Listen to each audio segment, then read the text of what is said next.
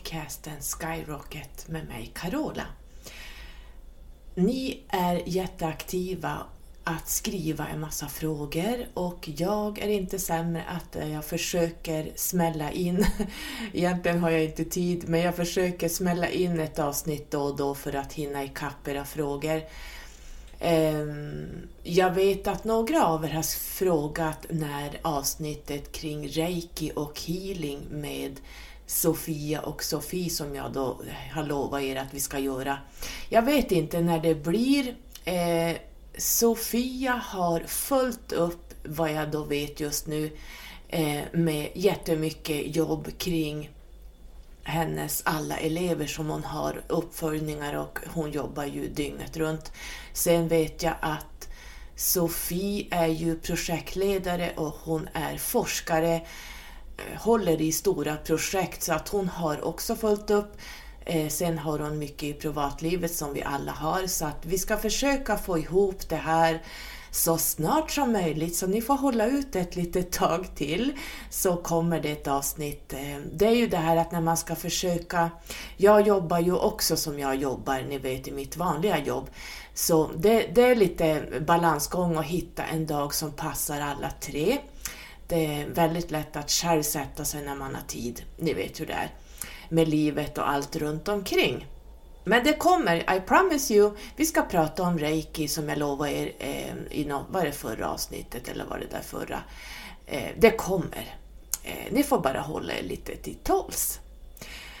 Ni har också eh, skrivit till mig, ja jag tror jag varit nerbombarderad i privata meddelanden på Instagram just kring eh, kraftdjuren, andedjur, andisar, eh, totemdjuren, avsnittet som jag gjorde. Ni är jätteengagerade i det här och jag blir jätteglad. Jag har fått jättemycket privata berättelser som var både chockerande, de, jag har skrattat, eh, har, när jag har skrivit så pennan har glött nästan fast man skriver på eh, mobilens tangentbord. Men eh, tack för att ni skriver till mig och berättar jättemycket saker om de här djuren. Alltså det är helt otroligt. Och i och med att vi hamnar på den här dimensionen så jag vet att jag har skrivit om det här på min förra blogg, alltså den bloggen, det var ju dumt att jag stängde ner den, eller stängde ner den. Jag, jag har den kvar, men den är privatgjord så att man inte kan läsa den i och med att jag öppnade min hemsida. Men jag tror, alltså jag hade sådana besök på den bloggen att det var, alltså blogg.se höll på att eh, gå omkull i all trafik som, som var på min blogg i allt det jag skrev om. Men det är klart att jag har ju jättemånga nya lyssnare sedan den tiden, det är ju många år sedan nu. Men ni har börjat fråga lite grann om tecken. Jag har skrivit ner här, tecken har ni frågat om att ni vill att jag ska ta upp. Nu ska vi se. Det är så mycket här. Vänta, nu ska vi se. Jag hoppas jag hinner ta allt. Ni vet att när man börjar podda så tänker man att ja men det här hinner jag med. Och så gör man inte det. Så att det är jättemycket ni vill jag ska ta upp. Tecken och händelser. Änglar. Jag vet att du pratade om änglar i en video. Just det ja. Just det, det har jag skrivit upp här. Ja, ja vi ska försöka ta det här i ordning, stenbocksordning. Så jag tänker att vi börjar med tecken. När vi ändå har varit inne på de här djuren som faktiskt ger oss tecken, så tänk tänker ni också att ni vill veta lite grann om tecken, vad man ska titta på. Så jag tänker vi börjar med tecken. Välkomna in!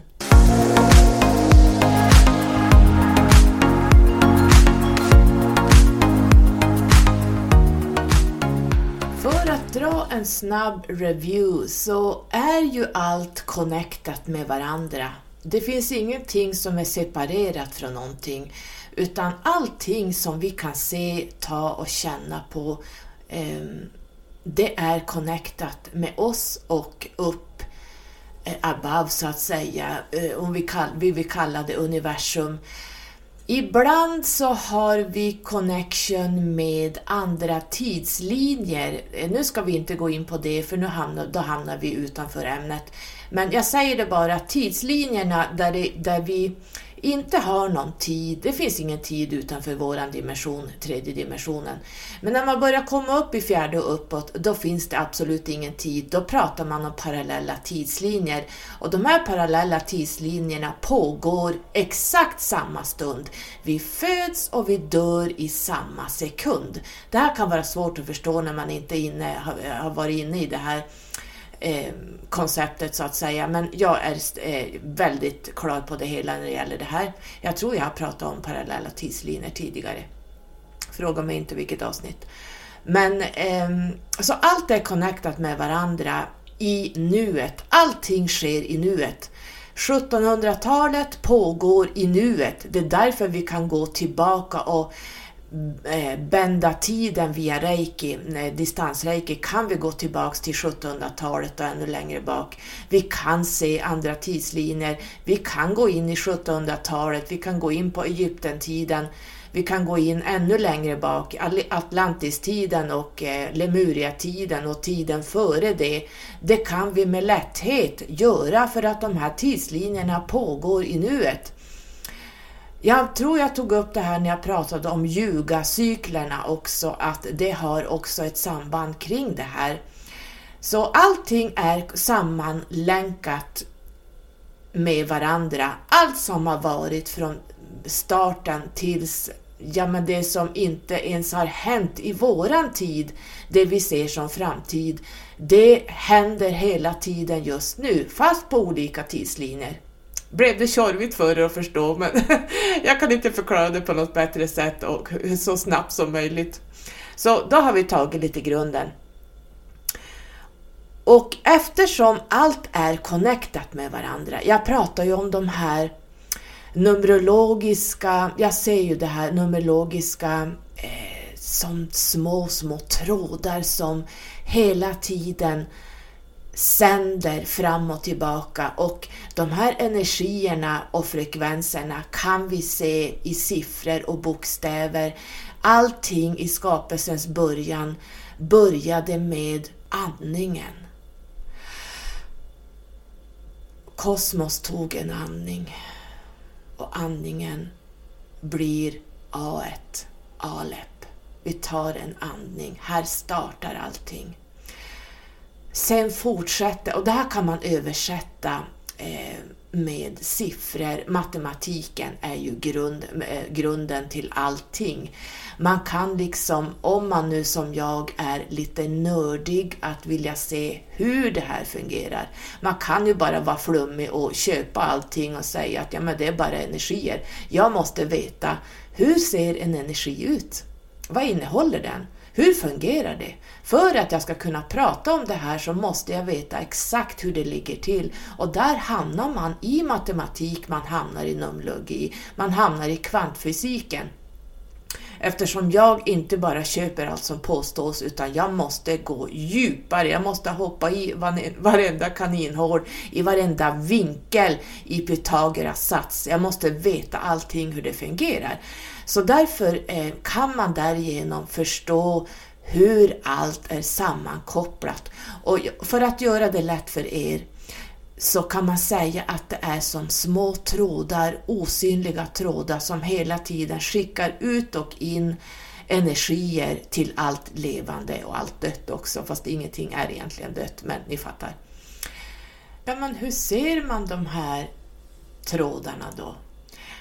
Då kan jag bara säga dig, du har en telefon och du får ett sms. Hur funkar det här? Du har ett wifi, ett wifi som du kan koppla upp det på. Du ser inte den här energin som sänder att du har connection med internet. Det är trådar som inte syns. När du inte har något internet tar du dig ingenstans. Du kommer inte ut på nätet. Det ska man kunna ta som en metafor hur energier funkar. När du inte har något internet, då har du ingen connection utåt. Då finns det ingen sammankoppling. Det är kapat. De här energierna når inte fram för det är stängt. Och det kan man också se som att när man är på den tredje dimensionen så är man helt stängd. Det är en blockering ovanför eh, tredje ögat, det är inte vaket ännu. Man har inte öppnat det tredje ögat som faktiskt är våran mobil, våran device. Men när man får ett andligt uppvaknande, när man eh, öppnar sina chakran och så vidare, så öppnar man det här wifit. Man slår på sitt internet. Och helt plötsligt har du connection med allting som du inte trodde existerade. Du börjar fundera i ditt andliga uppvaknande. Har jag blivit totalt jävlat galen? Eller vad fan är det som händer? Jag hör röster, jag ser saker och ting, jag kan känna av saker och ting. Jag intuitivt så bara vet jag saker. Och eh, eftersom du inte kan se de här wifi du kan inte se den här energin, ditt wifi hemma, wifi, hur man nu vill säga det. Så kan man ta det som ett väldigt enkelt exempel på hur numerologin och hur energierna hela tiden sänder ut information och sänder tillbaks information. Det är inte svårare matematik än så här. Så då tror jag ni förstår hur själva energisystemet fungerar för att göra det väldigt enkelt på eh, på en sån här eh, tredimensionell nivå så att man ska förstå. Ni som är uppvaknade, ni vet hur det fungerar. Men jag tänker på de som kanske inte har hunnit så långt ännu, som är mest nyfikna på hur allt fungerar. Så kan man ta det som ett litet exempel. Jag kom på, vi kan ta ännu en metafor. Eh, mikrovågsugnen är ju en typisk sådan. Den skickar ut en massa, i och för sig, ganska farliga strålningar. Men den här, de här, själva konceptet här är att du drar, drar på din mikrovågsugn och du hör att det börjar sprätta i maten. Det blir varmt.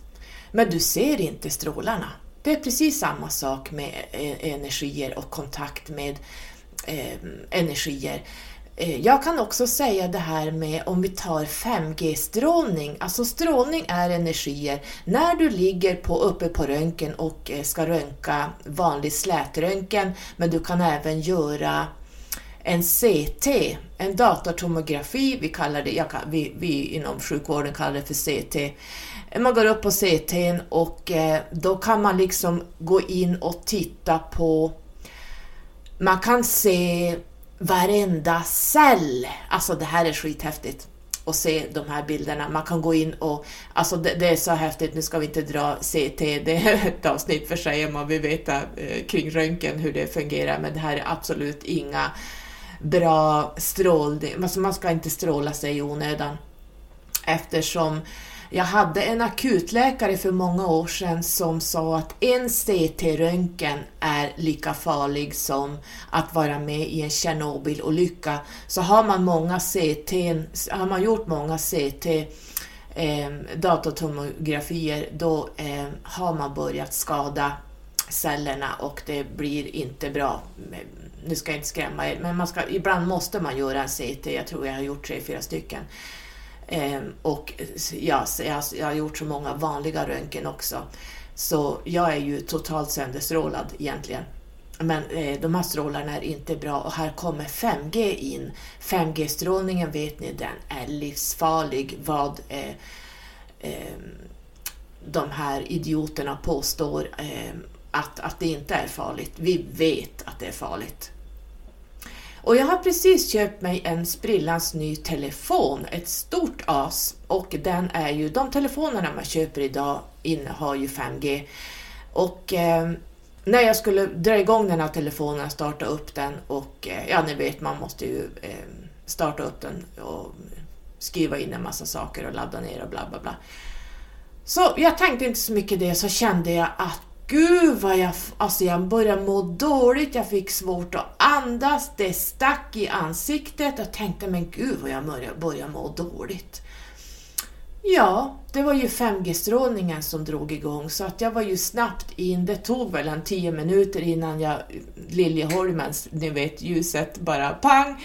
Det är ju 5G-strålning, slå av den fort som FN så jag in i inställningar och ställde ner den på 4G, 3-4G och då försvann de här eh, symptomen direkt. Så att 5G-strålning, mikrovågsugnar ska man inte stå nära överhuvudtaget. Så att eh, har man symptom då vet man att det är 5G-strålningen som man, man ska inte vara nära den. Så, men som, det jag bara vill få sagt här är att man ser inte de här energierna men vi vet att de funkar och precis så är det med andra dimensioner också.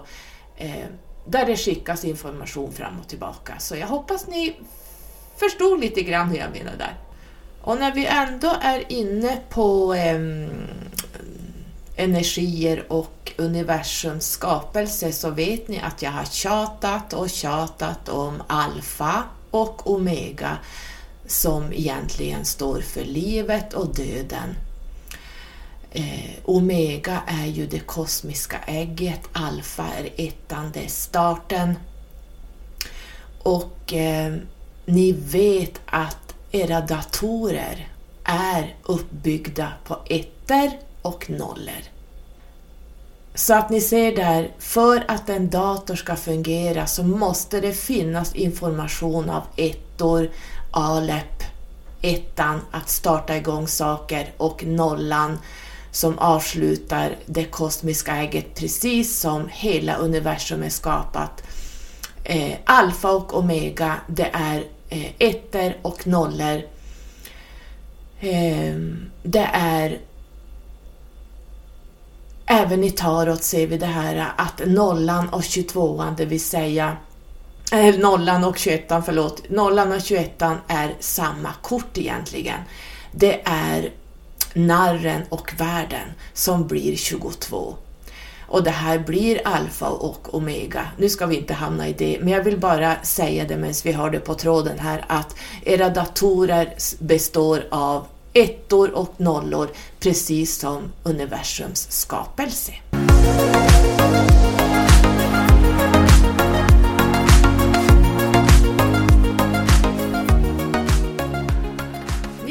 Frågat om tecken.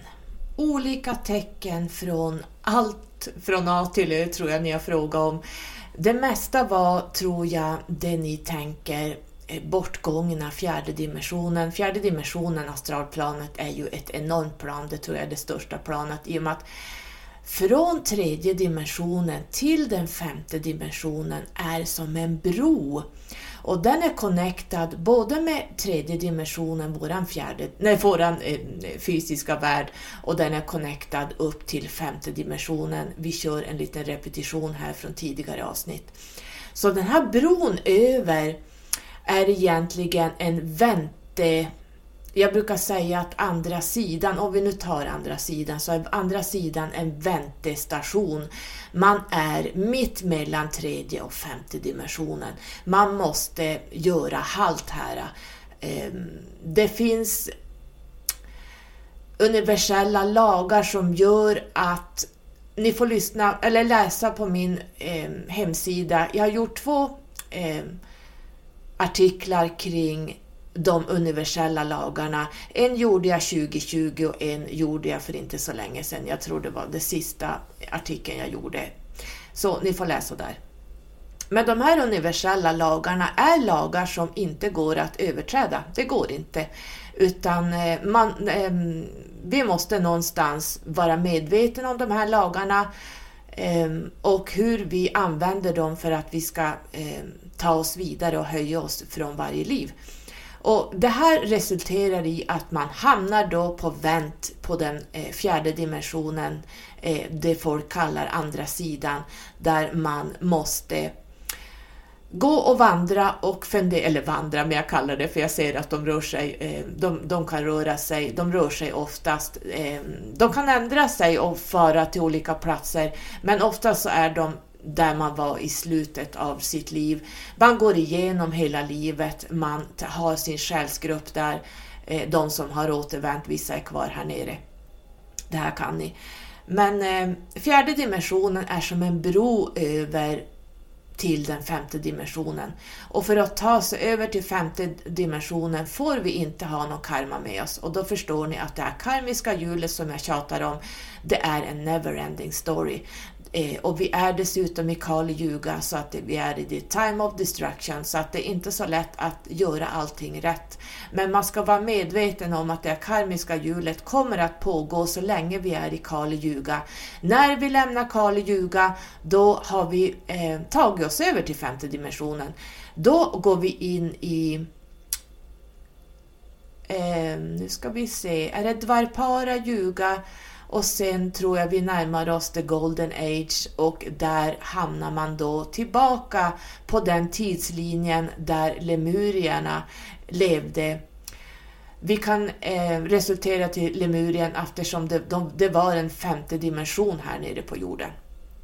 Så att när man pratar om tecken så är det oftast tecken från den fjärde dimensionen, astralplanet, eftersom den är mitt mellan eh, tredje och femte dimensionen.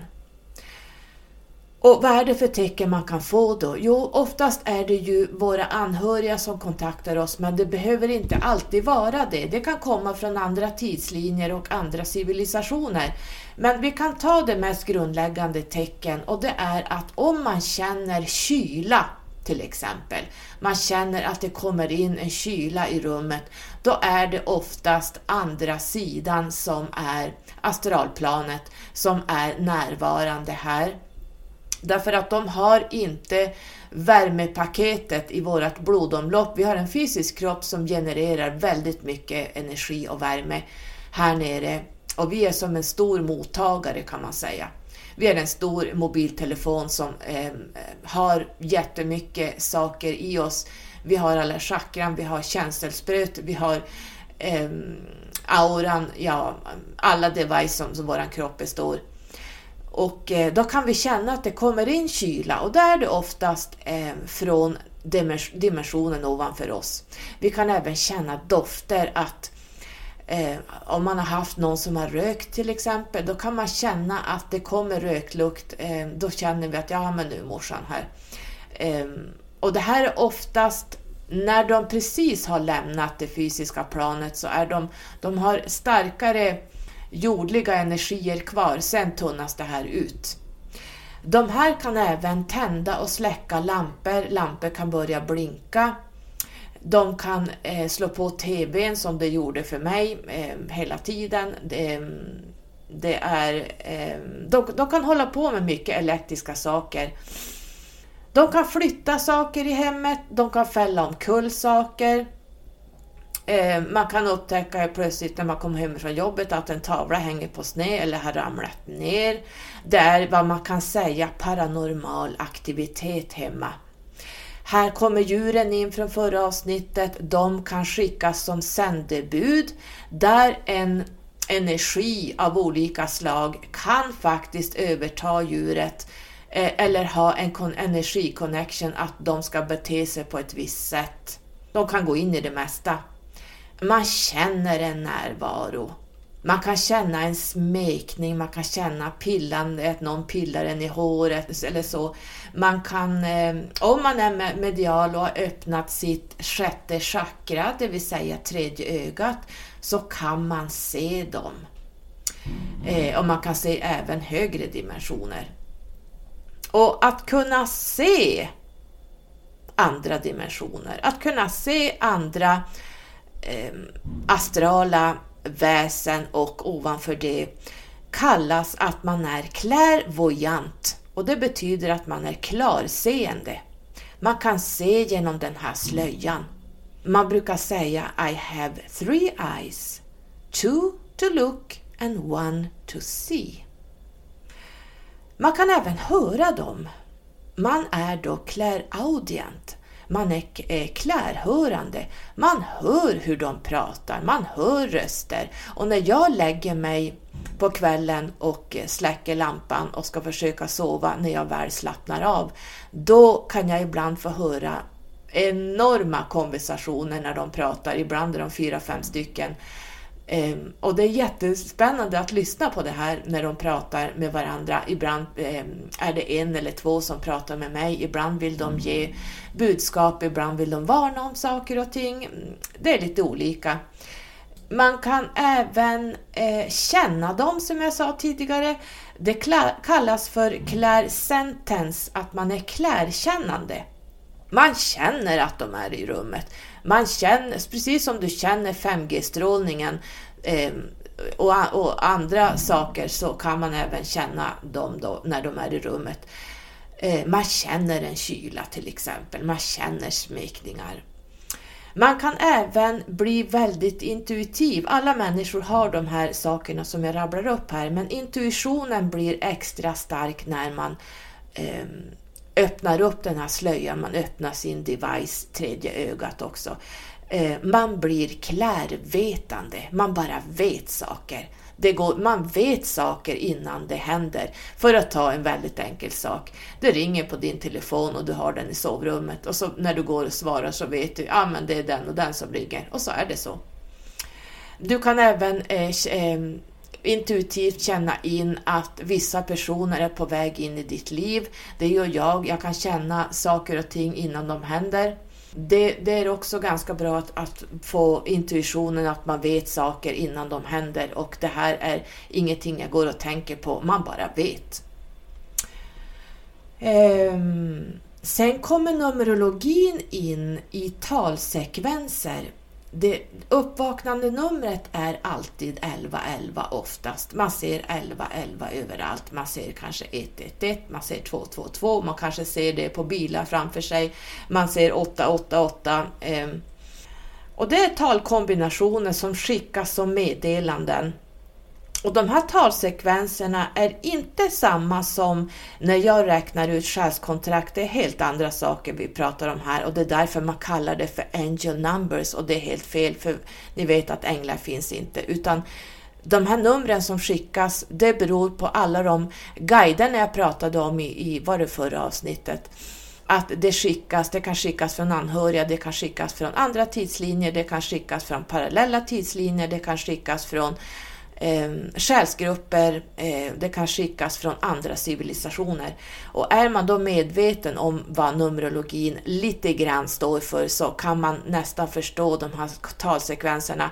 Nu är jag så pass skarp att jag kan läsa ut många tal efter varandra som inte ens liknar varandra. Om jag ser 1, 6, 35, 7, 3, 8 så vet jag direkt när jag ser det här så vet jag precis, ja det är det, det, är det och det och det. Då vet jag precis vad som kommer att hända och vad som är just nu.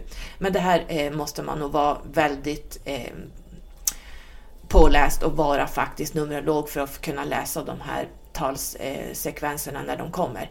Och det är ju så, man, man får inte skicka till sig mer än det man kan ta in och förstå. Så att eh, du kommer inte få kanske tio olika tal i en sekvens efter varann för att du kommer inte att kunna läsa ut det. Men du kanske får någon enklare form. En fågel som kommer, ja men då vet universum som samlingsnamn vet att du har den här boken hemma. Det vet universum. Universum vet, vi tar universum som en samlingsord, att du har kanske tarotkort hemma, du har olika orakelkort, så att därigenom kan man också skicka budskap. Ditt högre jag kanske vill att nu har du gjort det här själskontraktet och nu kommer du att stöta på en karmisk eh, lektion som kommer att komma, så att nu får du välja här om du går in i den eller inte, för att säga det väldigt enkelt. Och de här talsekvenserna är just nu och direkta det, det du är just nu, det du går igenom, vad som är igångsatt och händelser som kommer. Och här är det lite grann att bara för att det är igångsatt behöver det inte betyda att det kommer att bli så här för att vi lever hela tiden i nuet. Utan du kan alltid gå in och förändra. Om en saker och ting är igångsatta så kan du ändå förändra utgången lite grann. Eh, så att eh, man ska inte måla fan på väggen om man får tredje kortet som då visar framtiden, om än det inte finns någon framtid. Eh, om man höjer sig och tittar på tidslinjer, att allting pågår i nuet med olika händelser. Det finns kanske 50 olika vägar du kan gå i en händelse så kan du välja ett spår där som gör det lite lättare. Eller om du gör som jag, att du vill gå igenom det, det jävligaste för att göra bort saker och ting. Vet man att man har en skuld eller att man har karma, då är det bra att gå igenom de här läxorna för att eh, de ska försvinna sen. Skulderna har vi med oss hela livet, det vill jag bara säga. Att karmiska skulderna i era själskontrakt, de räcker livet ut och det här kommer du att behöva jobba med varenda dag du slår upp dina ögon. En sista sak kring numerologisekvenser som skickas och som du kommer att se överallt.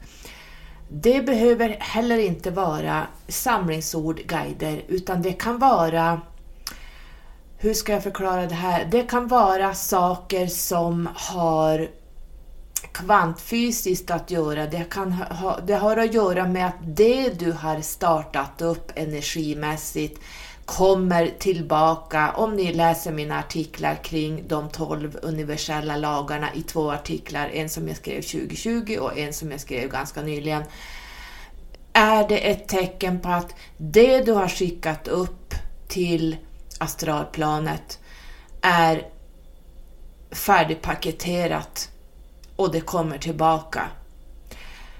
Det är bara en energi, en, en universell lag som, som du har skickat ut i form av tankar. Tanken är den starkaste devicen vi har.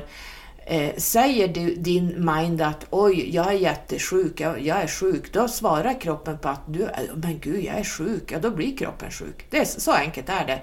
Tanken är den absolut starkaste kraften vi har. Så att det du skickar upp i form av alla tankar och känslor, även det du säger, men oftast är det tankarna som är riktigt manifesterande och här ska man vara lite eh, skarp i huvudet och tänka på att du ska inte gå omkring och vara negativ, för det är det som levereras tillbaka. Och det här visar sig också i numerologiska sekvenser, för det är bara händelser, det är energier som du själv har skickat upp som kommer i retur. Så att så kan det också vara.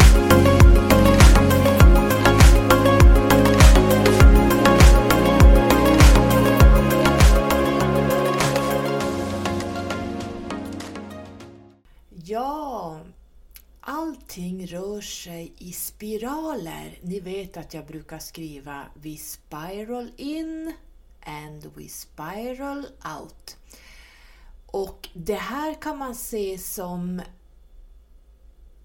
att det finns, det är never ending story. Allt går bara runt, runt. Alfa och omega. Vi föds in och vi checkar ut och så checkar vi in och vi checkar ut i olika tidslinjer, i olika tidsepoker. Allt från olika eh, ljugacyklar. Ni vet att jag pratar om ljugacyklarna. Just nu är vi i Kali, i Time of Destruction. Det finns även astrologiska tidsåldrar där vi börjar närma oss eh, Vattumannens tidsålder. Vi är inte riktigt där än, men vi börjar känna på att vi blir mera eh, individuella, vi är, går in mer i femmans energi och man kan titta lite grann också. Femman står mitt på eh, den här tidslinjen här nere, att femman är precis övergången. Femman är, är, gör en, en kapning från första, andra, tredje och fjärde och sen går vi in i femmans tidslinje som jag ser det numerologiskt. Men de flesta kan prata om eh, Vattumannens tidsålder, men jag ser det ju, jag ser det ju matematiskt, numerologiskt, kvantfysiskt och ja, allt det här som jag då kan. Eh, helig geometri, det här, går, det här kan man se. Eh, men vi, vi säger det eh, astrologiskt. Så det betyder att vi är någonstans i Kali Yuga och i Kali Yuga så ryms också i slutet av Kali Yuga så rymmer vi Vattumannen eh, tidsålder. Och allt rör sig i cykler. Vi ser det i, på våran natur. Eh, vi har alla element. Vi har vår, vi har eh, sommar, vi har höst och vi har vinter. Eh, först blommar vi ut och sen dör det och så startar det om. Och precis så är det med våra liv, våra fysiska kroppar. Vi åldras och vi dör. Kroppen dör och sen fortsätter energin vidare i den här spiralen. Vi spiral in och vi spiral out. Det är inte svårare än så. så att eh, det handlar om Omega, det kosmiska ägget, och det kan man då jämföra med våran livmoder, att vi, vi går ner i livmodern där allting skapas och sen kommer vi ut med ett färdigt själskontrakt där själen går in i det här fostret och startar en ny cykel här nere. Och vi bestämmer till och med tiden vi ska gå in för att allting ska vara exakt. Så därför kan vissa förlossningar vara utdragna för att det är inte tid. Det här barnet vet att jag ska, eller själen vet att jag ska ut exakt klockan 13.03 eller eh, 4.06 på morgonen. Alltså det här är exakt uträknat hur planeterna ska stå, hur det numerologiska själskontraktet ska se ut för att annars har vi inte den här Annars jobbar vi inte med det här karman inom situationstecken, för det här karmiska hjulet har allt att göra med hur vi når över den här fjärde dimensionens bro från tredje till femte dimensionen för att vi ska kunna byta tidsålder till Dvarpara Yuga. Är ni med? Hänger ni med här? Eller blev det för krångligt? Det är ju så här att varje inkarnation så går man igenom var man är, hur långt man har kommit. Så där kommer själskontrakten in, de numerologiska, där man kan se hur långt har själen kommit. Hur ska vi göra det här själskontraktet för att man ska nå högre?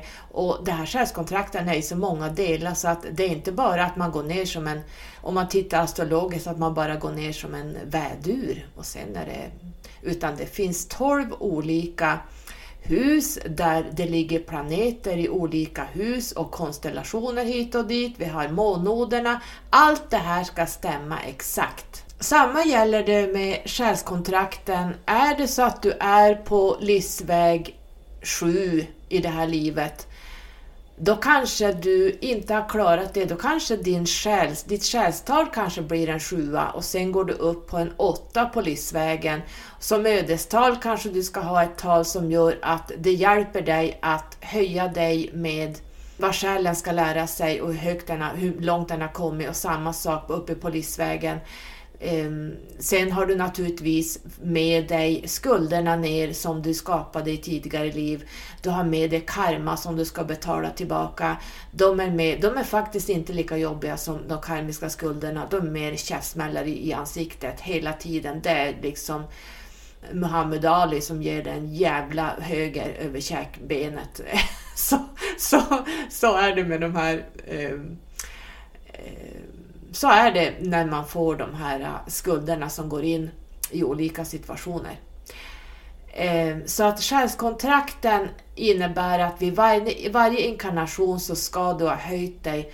Ehm, du kan förstås få göra om många liv där du inte tar det någonstans och här kommer själsgrupperna in och går in och hjälper.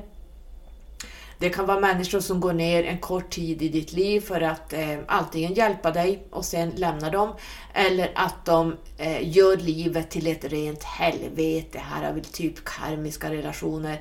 Vi möter karmiska relationer för att vi ska få rejäla käftsmällar och det är en blessing in disguise. Det är alltså jättebra att möta de här för att du ska bli medveten om eh, att höja dig och hur du ska tänka, eh, ändra vissa beteenden. Och eh, det är aldrig ens fel att två trätar. Vissa människor har uppdrag att sätta igång jobbiga saker i andra människors liv. Och det är meningen att du ska möta de här personerna. Nu hamnar vi lite på sidovägar igen. Men jag vill bara att ni ska förstå själskontrakten att du går aldrig ner med ett själskontrakt som är likadant. Däremot kan, man, kan du, när du är på det astralplanet, att du kan kombinera om dem så att eh, det är själen som får ta över före detta livsvägen. Att du jobbar med den mera själsligt eller så att du ska jobba med den mer fysiskt i det här, alltså ditt, ditt, inte bara ditt ödestal utan även din personlighet. Ditt personlighetstal går in, att du ska vara på ett sätt för att jobba med vissa saker som då själen ligger där under och pyr lite grann eh, det här intuitiva som hela tiden ger dig vägledningar, att den där lilla rösten som viskar vart du ska någonstans. Ja, ni fattar det här. När man då får ett andligt uppvaknande, då hamnar man antingen, antingen i religionen eller så idag så handla, hamnar man i the new age, new age-träsket som jag brukar kalla det. Och new age är ingenting jag promotar för fem öre, men alla hamnar där i början. Sen blir man så pass skarp i huvudet att man ser igenom allting och det kan ta en stund. Så att vi har alla hamnat i det här änglakonceptet. Jag fick en fråga kring änglar kring det här tecken och händelser. Och vi kan dra lite händelser kring det här tänkte jag. Vi kan börja med min mamma. Hon hade gjort en ganska stor bukoperation och får en infektion i, i hela magen så att säga, så hon vart isolerad på en medicinavdelning. Och när jag skulle besöka henne så berättar hon att hon eh, hade haft jättekonstiga syner. Jaha, sa jag, vad har du då sett? Ja, sa hon, det stod en kvinna i rummet och ni vet, sjukhussalarna har ju ganska högt i tak. Eh, I alla fall eh, om man har, bor i ett, eller om man bor, hörni, jag bor ju där i princip, men det är ju mitt andra hem, mitt jobb. Men eh, om man har ett sjukhus som är gammalt så var det väldigt högt i tak och det var just den här salen hon låg i. Hon låg isolerad, ensam där. Och hon berättar att det kom en enormt stor kvinna in till henne. Hon hade en lång vit klänning. hon sa, först trodde jag det var du Carola, sa hon, för du är ju lång. Men då började hon tänka, men så här lång är inte Carola, för den här kvinnan nådde upp till taket. Hon var alltså nästan tre meter lång. Och den här kvinnan hade långt, långt ljust hår som jag och hade en lång vit klänning. Och hon sträckte fram ett rep till mamma och sa Ta det här repet och håll i. Och mamma sträckte fram handen och tog tag i det här repet. Och så sen försvann hon. Och då sa jag direkt att det här, var, det här är ju jättemånga år sedan, alltså det här kan vara ja, men i början på 2005, sex någonstans. Ja, det är länge sedan. Och i alla fall så sa jag direkt utan att tänka Ja, men det, det var ju din skyddsängel, sa jag. Och det här repet som hon sträckte fram, det var din livlina. Det var en livlina mellan dig och, ja, om vi då säger eh, astrala planet. Och mamma var helt så här, men alltså jag trodde det var du, men jag tänkte Carola är inte tre meter lång. Sen så skulle jag kunna dra 40 olika saker till, men jag ser jag har pratat i 40 minuter. Så vi hoppar till ängen på sparkcykeln. När min mamma var döende för många år sedan, eller många, det håller på att vara några år sedan nu, så skulle, hade jag en tatueringstid jag skulle till. Eh, men jag vaknar av att jag är mitt mellan vaken. Jag var vaken fast jag var inte vaken. Ni vet det här eh, mittemellan skiktet. Och där ser jag jag hade lagt min mamma på ett boende de sista tre veckorna hon levde. Och eh, jag ser hur det ser ut på det här boendet, jag var, jag var inne där, eller den här ängen som jag kallar det, stod på en sparkcykel. Ni vet sådana sparkcyklar man har på sjukhusen och de har de ju på boenden också för att ta sig fram snabbt mellan avdelningar och korridorer och sådär. På två hjul. Så hon såg ut, och jag ser henne framför mig, hon hade ett speciellt utseende, hon var blond och hon hade lite vågigt hår sådär, äh, lite 40-talsstuk på håret i blond.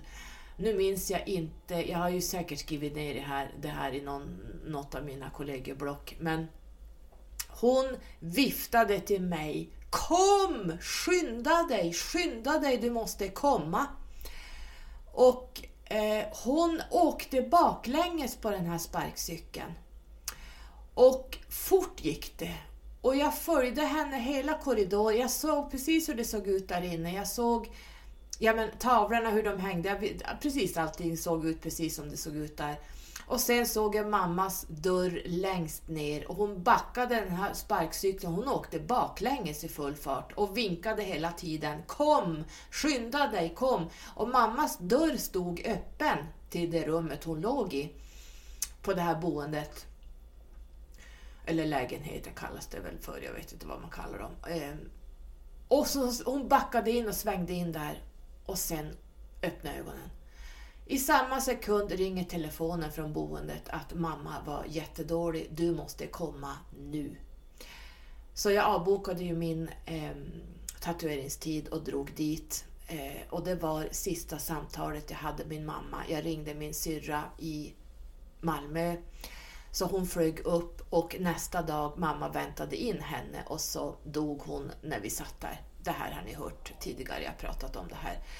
Och det här, jag har sett väldigt mycket sånt här som jag fick till mig new age, att det här är änglar som jag har sett. Och ni vet att änglar har ju vingar. Det hade ingen av de här. Eh, mamma sa att den här kvinnan hade inga vingar, men hon var tre meter lång och hon var vitklädd och eh, sa att hon skulle ta det här repet. Ehm, och den här kvinnan som jag såg som, som ville att jag skulle komma dit, hon eh, tog jag det för garanterat att det var änglar. Men idag vet jag ju att det inte var det. Det här var någon form av antingen vad vi kallar guider som jag har pratat om i förra avsnittet. Ehm, vi kan få ehm, interdimensionella guider som visar sig. Många gånger ser Sirians från nionde dimensionen, ehm, de ser ut lite grann som, de ser inte ens ut som änglar, men nästan ditåt. De ser ut som äh, de är så högfrekventa att det bara glittrar om dem. De ser inte ut som humanoider utan de ser ut mera som jag kan inte förklara hur de ser ut. Alltså den är helt otroligt. Eller förlåt mig, inte nionde dimensionen, det är ju min grupp som kommer därifrån. De ser ut som humanoider. Utan eh, när vi pratar 24 dimensionen, eh, Sirian som, som befinner sig där, de blir mera änglalika. Jag kan inte förklara hur de ser ut. Det... Ja, utan jag tror så här, eller jag är säker på och jag vet att det många ser som änglar, det kan, kan vara eller är interdimensionella varelser som är så högfrekventa att de kan visa sig så här. Ehm, de har inga vingar bak heller. Det har ju kristendomens, de har ju vingar och målas upp som det. Ehm, och de här guiderna inom situationstecken som jag pratat om, vi har ju personliga guider, vi har interdimensionella guider, vi har ju guider från olika tidslinjer som är vi, vi har eh, våra själsgrupper som kan visa sig. Ja, det finns hur mycket som helst eh, och det är det som visade sig för mig. Men jag tog för givet att det var änglar, men jag vet ju idag att det inte finns i och med att Bibeln, det finns ingen Gud och änglarna är ju direkt underställda Gud och änglarna är Anunnaki. Så Anunnaki, det är Sky People, the shining ones som jag pratat om i podden och även skrivit om. De var de som skapade människan det är Anunnaki som skapade alla människor på jorden, så alla människor som vandrar på den här jorden har Anunnaki-DNA.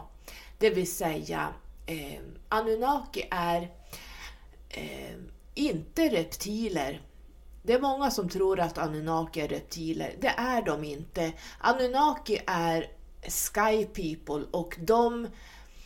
Jag hinner inte dra det här, nu har jag pratat alldeles för länge, men eh, Anunnakis eh, är inte reptiler, utan reptilerna kom in, de var här först.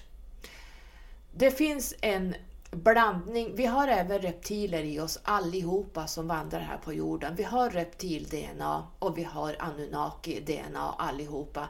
Men sen kan vi gå ner från olika civilisationer när vi är här. Jag hoppas inte det blir för tjorvigt. Jag, har pratat, jag tycker jag har pratat och skrivit om det här i flera år. Men jag känner att alla som är nya här nu ska få veta lite grann grunden till vårt ursprung. Så vi har Anunnaki-DNA i oss allihop. Alla människor som vandrar här har reptil-DNA i sig. Så det var lite coolt det här att man hamnade då i new age-träsket när man började se såna här varelser. Vad kan hända hemma då i, i ett paranormalt hem som jag har? Mitt hem är ju, eller hela mitt hus är paranormalt. Här ramlar böcker ner. Jag har suttit och sett TV och så eh, har jag en som en eh, bokhylla som hänger fast på väggen. Det står inte på marken utan det står som, ja, den är fastskruvad på väggen i olika lager. Där jag har eh, alla mina 400 böcker, ni vet. Um, och jag sitter och ser TV och ser i ögonvrån att en av böckerna börjar vicka på sig, mitt i allt. Mitt i det jag sitter och ser en film så börjar den här boken vicka, vicka, vicka och till slut faller den ner. BAM! Det, jag satt i telefon och pratade med Sofia, vi hade pratat säkert någon timme i telefon. Och mitt i det jag pratar, vi pratade om en massa saker som jag inte kan nämna här, men för att få bekräftelse i det vi pratade om just då så faller en lampa ner, BAM! i golvet. Och jag skrek till och Sofia skrek till. Vad hände? Lampan föll ner! Och då blev det så här äh, bekräftelse, big yes. Vi fick svaret där på en gång.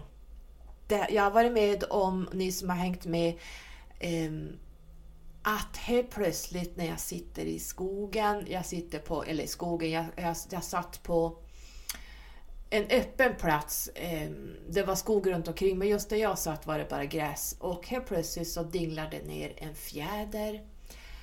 Det var ingen fågel runt omkring utan det kom bara en fjäder som landade i mitt knä. Jag var med om det här när jag gick på kyrkogården, eh, när jag var, hade varit hos mamma när hon precis hade dött så kom det en vit, helvit fjäder som man inte kan Jag vet inte om det finns några fåglar här uppe i Norrland som ser ut helvita. Det var som en dun, vit.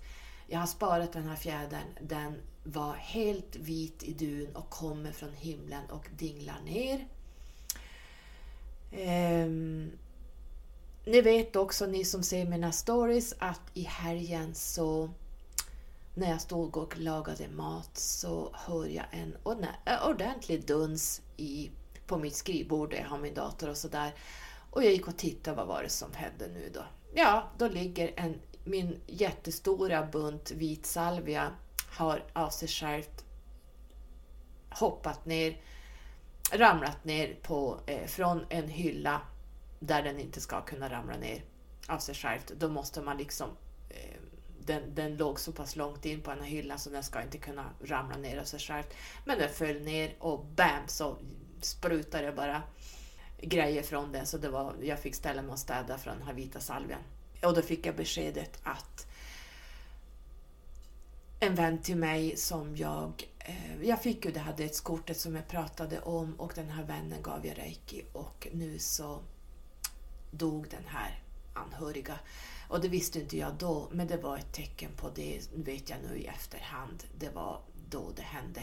Och sen på söndagskvällen så sitter jag, nu i söndags, alltså in, igår hade vi måndag, så två dagar sedan då, så sitter jag och ser, jag hade jobbat helg och så sitter jag och ser en film. Och så ser jag ögonvrån, jag har en jättestor monstrea som står i hörnet eh, och jag ser i ögonvrån att den vinkar till mig. Alltså det, det här bladet är säkert 20 centimeter långt och hela blomman står stilla men bladet svänger fram och tillbaka precis som att någon håller i bladets stam och kör den fram och tillbaka. Och det är bara det här bladet som rör sig. Och jag tittar länge och sen så slutar det. Den höll på ett tag och sen så slutar den. Och jag tittar mig runt omkring. Jag känner en, en kall energi som kom som är i rummet. Man känner att det blir väldigt kallt. Eh, och då visste jag inte att den här personen hade dött. Jag känner henne väl också. Och så fortsatte jag se TV och sen så ser jag ögonvrån att det börjar om igen. Då börjar den här bladet att röra sig fram och tillbaka, fram och tillbaka som att den vinkar nästan och jag börjar le och vinka tillbaka typ att jo, jo, jag ser dig men uh, vad vill du ungefär? Men nu vet jag är så van så att jag, jag bryr mig inte så mycket. Jag bara registrerar och sen så tänker jag att jag får veta sen vad det, vad det är för någonting. Och då fick jag meddelande på måndagen att den här anhöriga hade gått bort. Så att eh, det var nog hon som var förbi mig också i och med att hon vet att jag var väldigt inblandad i det här. Sen skulle jag också vilja säga, eh, när mamma hade dött, det var ju i juli, en juli, den 10 juli och hon begravdes 10 augusti. Ni förstår datumen stämmer ju eh, 10-10. Eh, 10 är ju the kingdom. Om man tittar i kabbalaträdet så är ettan är det högre jaget skulle man kunna säga. Här startar vi upp och vandrar neråt. Och längst ner på det fysiska planet har vi nummer 10, The Kingdom. Det är världen här nere. Och ehm, då när jag fyllde år i december så ja, men jag steg upp som vanligt och kokade mitt morgonkaffe som jag gör och gick omkring här i köket. Och sen hör jag ett jäkla pickande utanför köksfönstret mitt i smällkalla vintern. Vi hade säkert 20, 25, 30 grader någonting. Eh, så sitter det två fåglar bredvid varann på fönsterbräcket. Eh, och eh, de bara stirrar in. Jag tog ju kort på de här. De stirrade in och de gav mig lite hälsningar att grattis på födelsedagen och då förstod jag direkt att det var morsan och så var det mormor som eh, kom och grattade mig på min födelsedag. Så jag fotade dem när de satt där så fint utanför fönstret, de två. Jag har varit med om fåglar som kommer in i mitt hem. Jag har haft dem i hallen ståendes där och titta. Jag har varit med om de mest konstiga saker ehm, fåglarna är ju sändebud.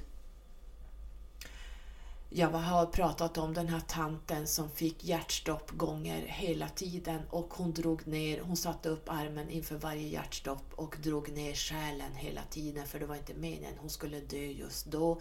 Ehm, hon lämnade in en och en halv vecka senare när barnen kom upp från södra Sverige. Just det, jag kommer ihåg att jag dejtade en kille som, det här är många år sedan, som jag vet inte vad det var med honom, men vi, vi, han, jag, i efterhand så vet jag han, att han var en master 33. Men eh, vi hade ganska passionerat relation. Eh, och när han... Varje gång han åkte från mig så började spelas upp en låt i mitt huvud och det var den här låten eh, det nalkas kärlek banne mig. Du, du, du, du, Vad heter hon som sjöng den svensk gammal, det är från 60-talet. Den där låten kördes. Och det, det liknar kärlek banne mig, bla bla bla. Och den spelades upp varje gång han åkte från mig. Och jag, det, jag är ju techno, jag lyssnar ju bara på techno och lite sån musik. Eh, det ska vara högfrekvent, niodimensionell musik. Eh, och så kommer en sån här gammal låt, ni vet 60-tal, 70-tal in i huvudet som jag absolut aldrig över my dead body skulle lyssna på. Den spelar varenda gång han åker från mig och jag tänkte, vad fan. Och, och jag gick inte få ut den i huvudet. Och så sen gick jag till diskbänken för att han, vi hade druckit kaffe och han hade då eh, det, det, här kaffet hade då, han hade väl hällt ut kaffe och bara ställt på bänken och jag hade väl inte diskat den där så att när jag väl såg den där koppen och tittar in ner i botten för jag skulle diska då då är det ett stort hjärta i hela koppen och jag bara shit! Alltså vad är det här? Eh, men av olika anledningar så valde jag bort honom. Ibland så gör jag dumma saker och det är för att jag ska bort från vågen, jag ska bort från min södra nod. Jag har kommit mer än hälften på vägen att jag ska upp till väduren och bli individualist. Jag ska vara, jag ska vara ensam, jag kommer inte ha någon mer relation i hela mitt liv. Därför att eh, jag har kommit så pass långt upp mot norra noden att jag är så pass självgående. Jag kör mitt eget race. Men, och jag tror det var därför jag valde bort honom omedvetet för att eh, det är inte meningen att jag ska ha någon mer relation. Jag har haft det hela livet. Så att nu är det meningen att jag ska upp till norra Norden och i väduren. Så, eh, men det var lite roliga saker, som att man kan, man kan titta lite grann, eh, var, ha ögonen öppna och titta och lyssna. Börjar det spela upp någon låt i huvudet eller eh, symboler som visar sig i kaffekoppar och, och sådär. Eh, jag kommer ihåg samtidigt som jag dejtade den här killen så ställde jag väl någon fråga om det var verkligt, eh, var det verkligen rätt det här? Och så skulle jag ut och gå, det här var sommar, och så skulle jag ut och gå. Jag skulle iväg på gatan någonstans och jag hade väl ställt den här frågan i hallen, jag gick ju mina egna funderingar.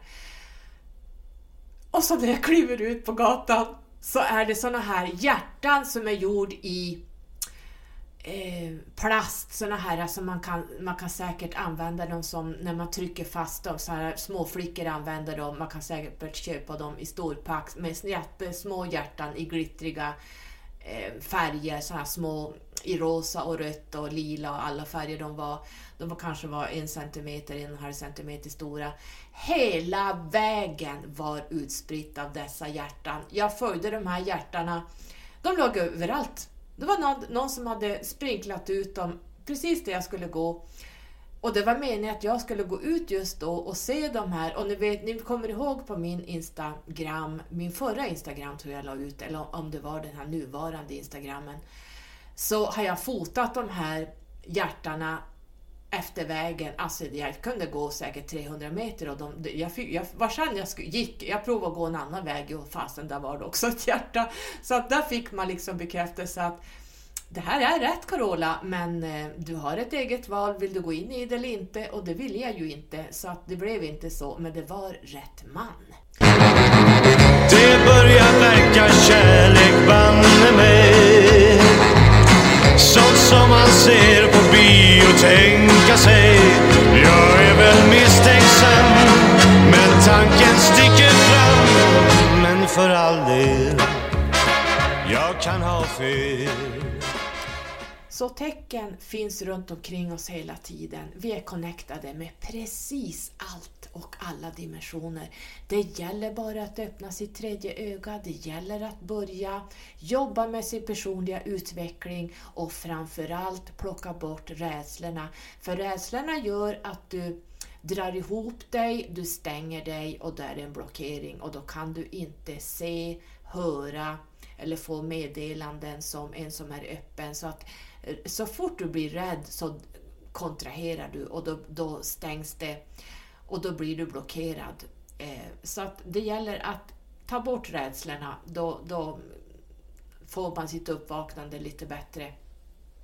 Sen ska man naturligtvis veta att det finns eh, många gånger är energierna som jag har haft här, de har varit dåliga energier av olika anledningar. Det här har jag också pratat om.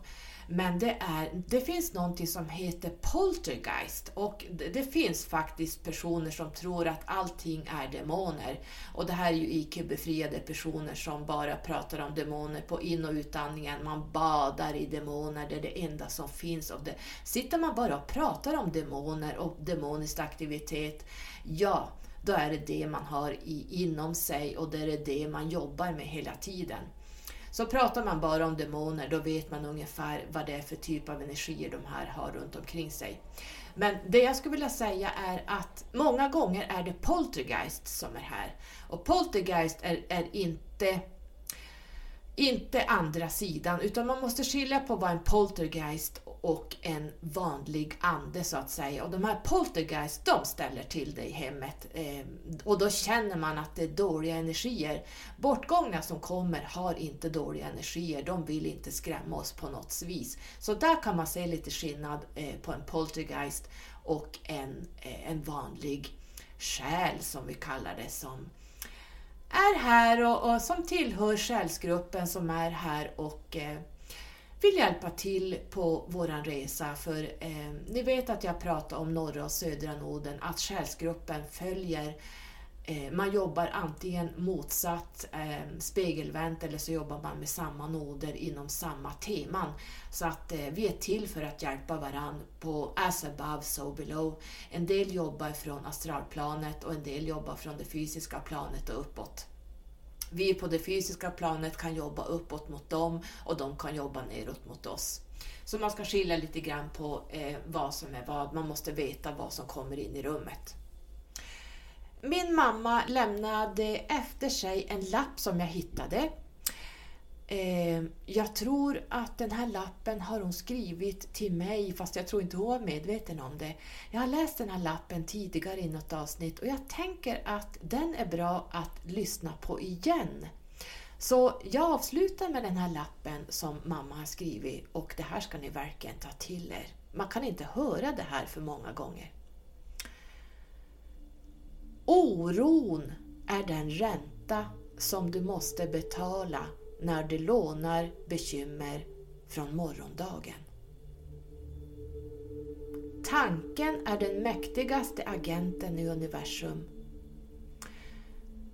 Vakta noga dina tankar, för tankarna styr hela ditt liv. Människor är ungefär så lyckliga som de bestämmer sig för att vara.